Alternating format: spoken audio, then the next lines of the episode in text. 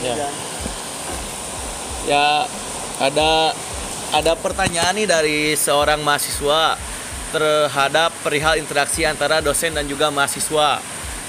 Komunikasi yang terkadang kurang berkualitas, entah itu bercanda atau menyudutkan sudut pandang mahasiswa yang sampai ke ranah religius. Gimana tanggapannya?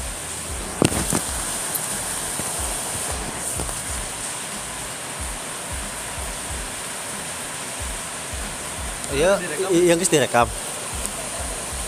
Nah terkait hal tersebut sebenarnya kan diatur dalam bab 5 terkait dosen bagian ke-1 yaitu kualifikasi, kompetensi, sertifikasi, dan jabatan akademik. Nah, perlu kita pertanyakan juga sebenarnya bagaimana cara kampus khususnya di sini ya terkait bagaimana eh, cara ataupun upaya proses seleksi nih kualifikasi dosen ataupun seseorang yang mempunyai gelar MPD ya bisa mengajar di sini dengan catatan sebagai apa? Misal eh, objektif. Nah terkait objektivitas itu kan harusnya ada tes dulu.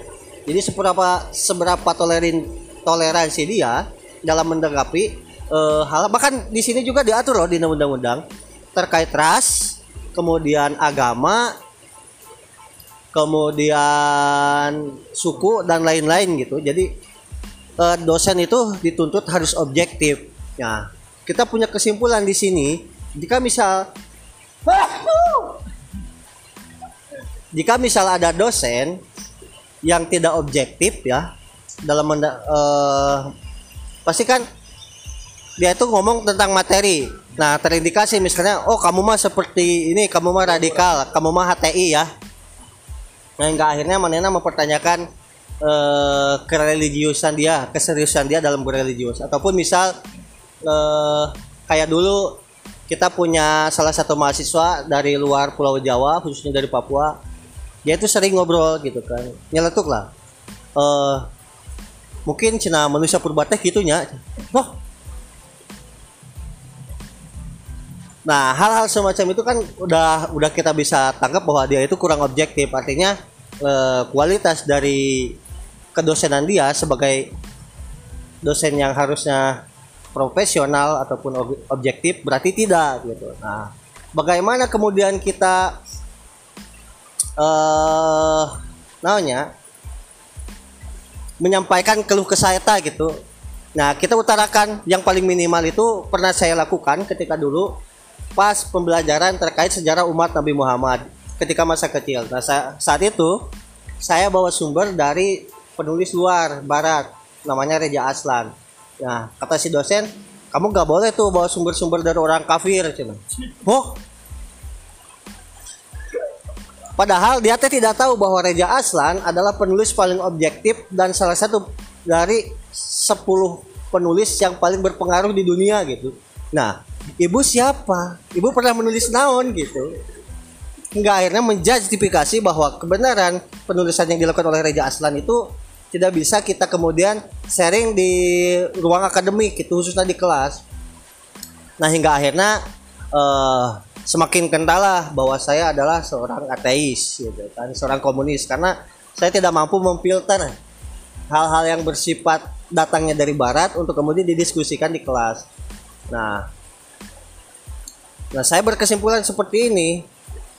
Jika misalnya buku-buku yang menulis tentang Nabi Muhammad tidak pernah kita bahas di ruang kelas, nah bagaimana kumaha orang tahu bahwa buku itu tidak layak untuk didiskusikan, sedangkan nanti tidak pernah kita didiskusikan gitu nih. Karena eh, kenapa saya berani pada saat itu sebelum kemudian Reja Aslan menulis tentang Nabi Muhammad waktu kecil, dia itu disclaimer di atasnya bahwa eh, cerita ini dikutip dari penulis biografi Nabi Muhammad generasi keempat dan tokonya saya lupa. Nah, Manena ceritakan di halaman berapa, di beberapa gitu. Nah, jadi saya berkesimpulan bahwa ini tuh layak untuk didiskusikan. Namun si dosen tersebut karena dia kurang objektif, kurang terbuka terhadap pengetahuan hingga akhirnya mendiskreditkan eh, penulis tersebut gitu. Tanpa proses upaya verifikasi bahwa Reja Selanat itu siapa.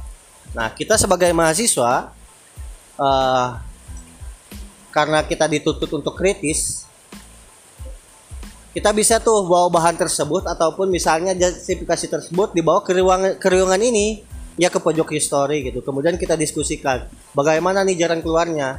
Kalaupun misalnya kita tidak cukup kuat untuk kemudian melakukan protes setidaknya kita tahu bahwa dosen tersebut kurang objektif jika ingin dapat pengetahuan lebih tentang mata kuliah tersebut, kita bisa dapatkan di pojok histori dengan dengan kemudian kita mengundang misal uh, saya berani jamin kalau Kang Tito Wardani itu uh, dia itu lebih objektif. Kemudian uh, Mas Sudarto, Mama Sudarto itu kan salah satu dosen juga. Itu dia lebih objektif terhadap pengetahuan. Terhadap pengetahuan. Tuh. Jadi mungkin itu. Terus nanti tadi pertanyaan kedua nak lebih menyudutkan Oh ya, lebih lebih menyudutkan pendapat mahasiswa. Ya itulah contohnya. Jadi ketika kita sedikit berbeda pandangan, termasuk pada saat itu uh, Rijal Hamdani ya, ini contoh biar jadi ada masuk nih. Rijal Hamdani itu uh, ngomong bahwa Soeharto itu buruk sebenarnya.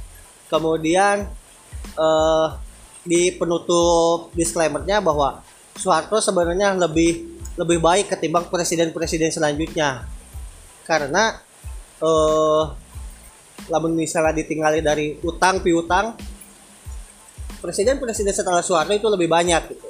Jadi kita menginginkan presiden yang agak eh, diktator lah militer seperti itu.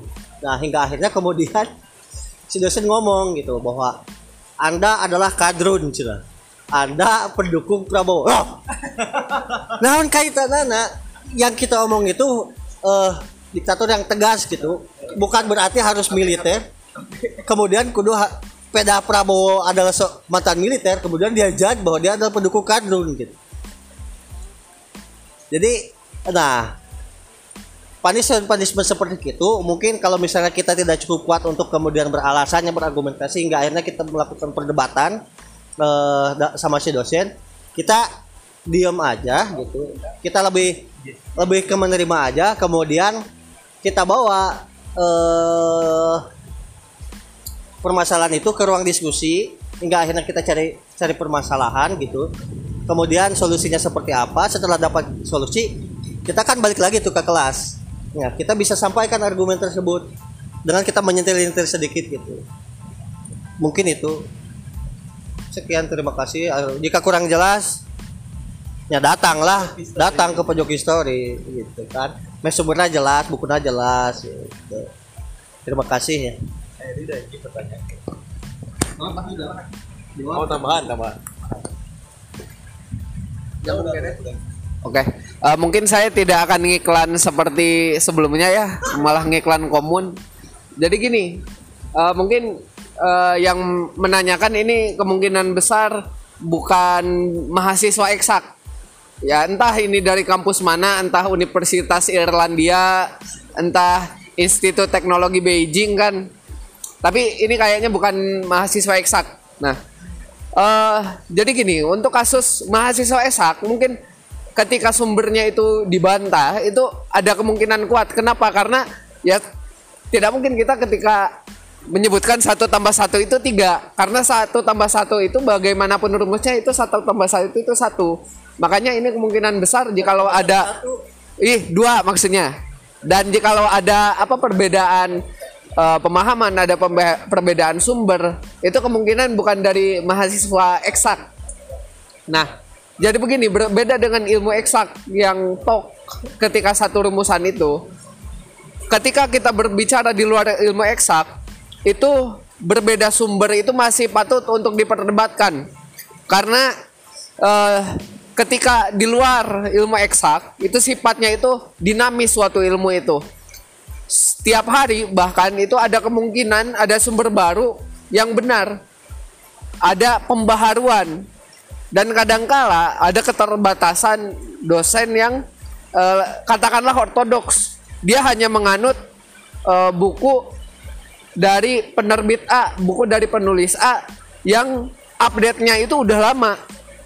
Yang kebenarannya itu mungkin sudah kada luar salah katakanlah.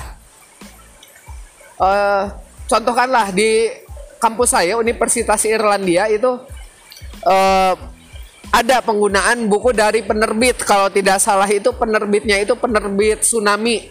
Nah, dari penerbit Tsunami ini menerbitkan buku sejarah Eropa dan apa yang ada di bab tentang sejarah Yunani yang saya ingat itu melenceng melenceng sangat jauh karena tidak sesuai dengan fakta sejarah maupun fakta geografis yang ada sehingga patut untuk diperdebatkan.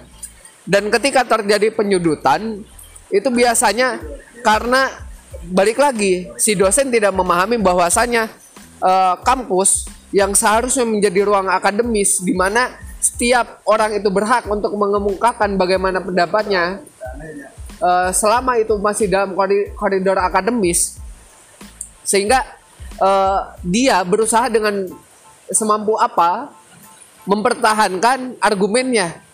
Nah, tapi tidak secara objektif karena yang dipertimbangkan ketika dia mempertahankan argumennya itu bukan masalah kebenaran sumbernya tapi masalah kedudukan mukanya.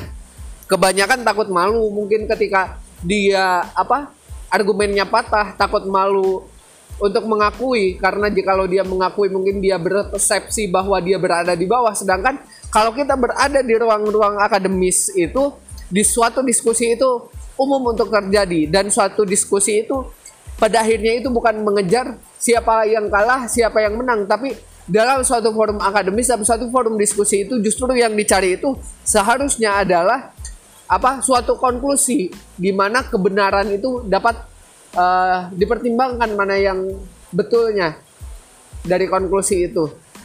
Mungkin itu dan ketika ya ketika dia menyudutkan mungkin dia sudah kehabisan untuk apa menyudutkan ke hal-hal yang sifatnya personal mungkin itu dia eh, kehabisan sumber mungkin. Sehingga ketika kita tidak mampu eh, apa mengejar nilai malah mengejar eh, kekurangan subjektif daripada si pengangkat argumennya. Mungkin itu.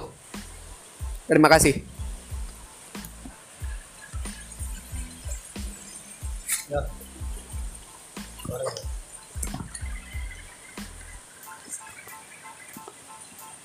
Ini.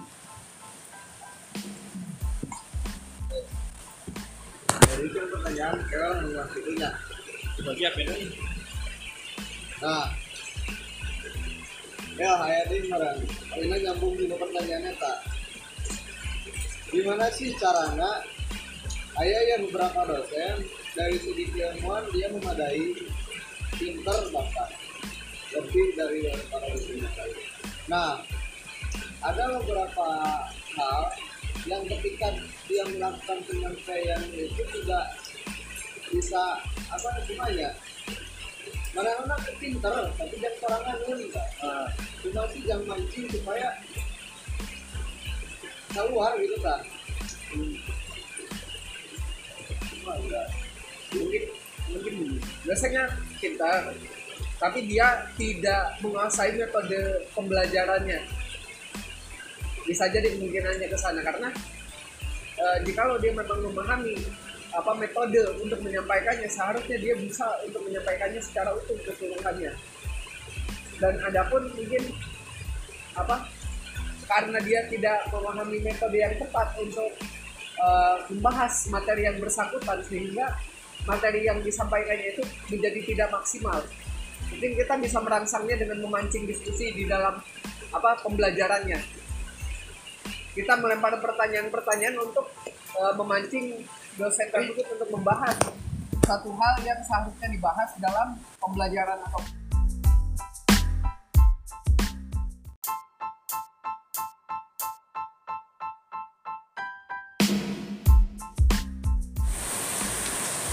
Nah, ada satu lagi pertanyaan dari mahasiswa. Katanya bahas standarisasi penilaian untuk mahasiswa masa pandemi atau dan kuliah hybrid.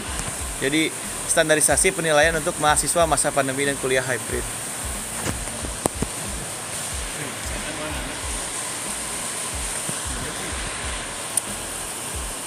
nah terkait standarisasi ayat itu peraturan pemerintah nah jadi bikin semuanya. Kalau Jadi saya kan eh, jadi mah karena ya udah perlu dijawab ya. Ah sebenarnya kan tidak ada bedanya kalau misalnya karena mungkin teman-teman tidak mengalami kuliah offline ya. Sebenarnya penilaiannya tuh sama kalau misalnya dulu juga. Itu beda sama sekali tugas. Tugas kemudian berdasarkan pengalaman saya gitu. Jadi sesederhana ini penilaian nateh gitu eh kita bayar untuk pertamanya bayar kemudian ngontrak KRS kemudian ikut kuliah. Nah tugas kalau bisa jangan ada terlewat. Itu kes pasti. Terus terakhir itu banyak bawel gitu. Kalau ngomong eta geus pasti nilai A. Wani diudang lebih wae. Walaupun kadang si mahasiswa teh tidak pernah hanya diuji oleh lembar jawaban UAS gitu. Bahkan kadang eh, harusnya kan presentasi itu sebagai eh, salah satu bagian dari penilaian. Nah dalam kenyataan pas ketika saya masih kuliah kuliah offline gitu presentasi baca di ditilai gitu.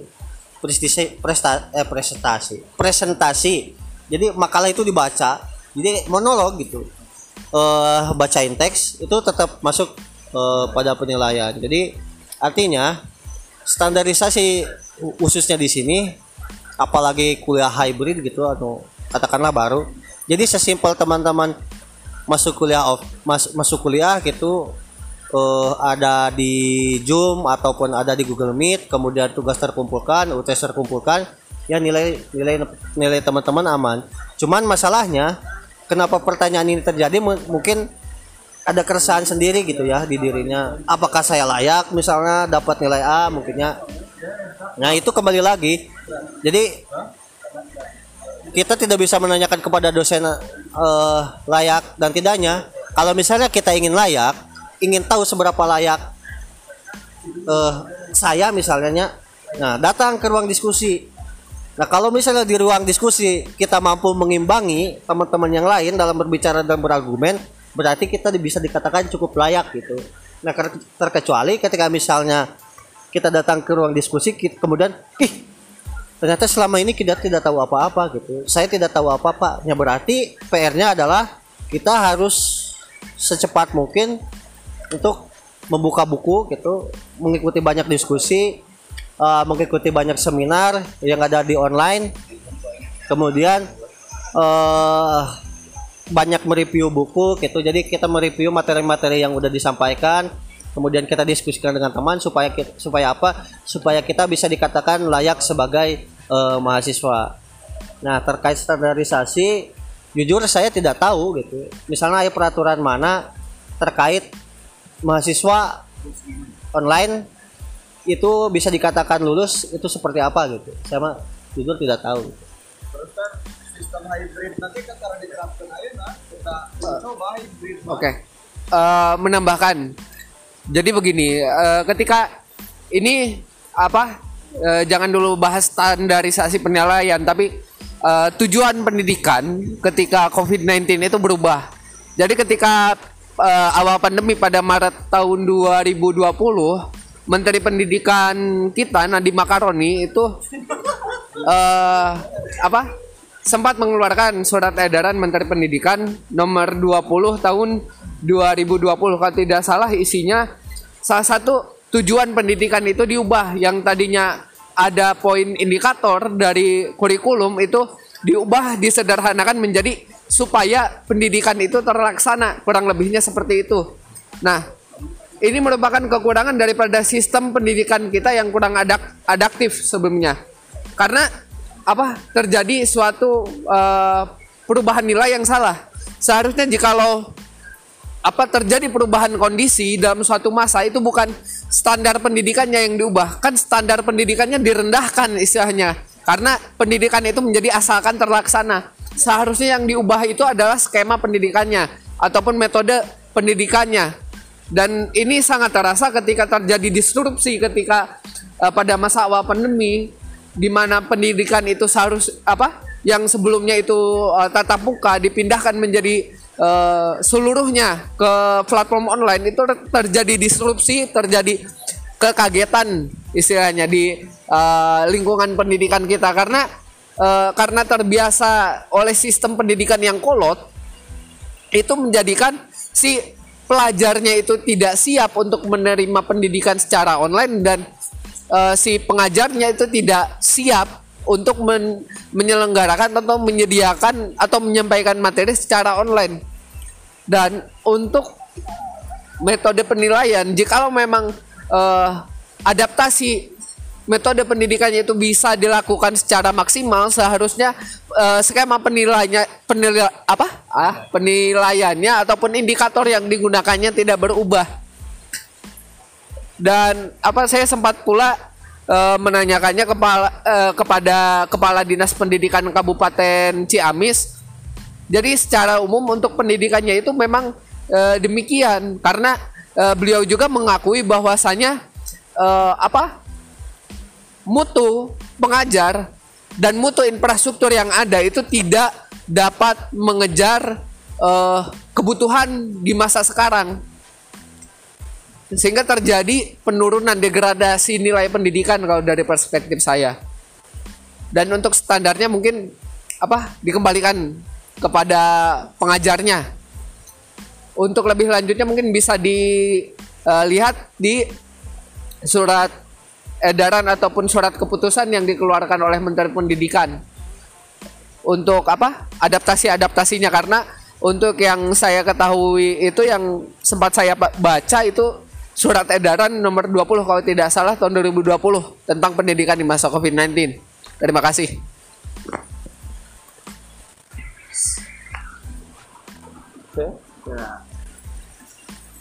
Untuk tadi ya pertanyaannya alhamdulillah ya terjawab. Untuk mahasiswa yang bertanya tadi uh, untuk bahwa jika Anda tidak ingin disudutkan dosen dalam berbicara, datang ke pojok biar bisa melawan argumen dosen. Bukan melawan sih. Nah untuk standarisasi eh, bisa ditanyakan kembali perihal eh, eh perihal standarisasi kepada dosen yang mengajar anda. Sebenarnya mahasiswa itu ya tidak jauh-jauh mau mau online mau offline tetap mahasiswa Irlandia Terima kasih.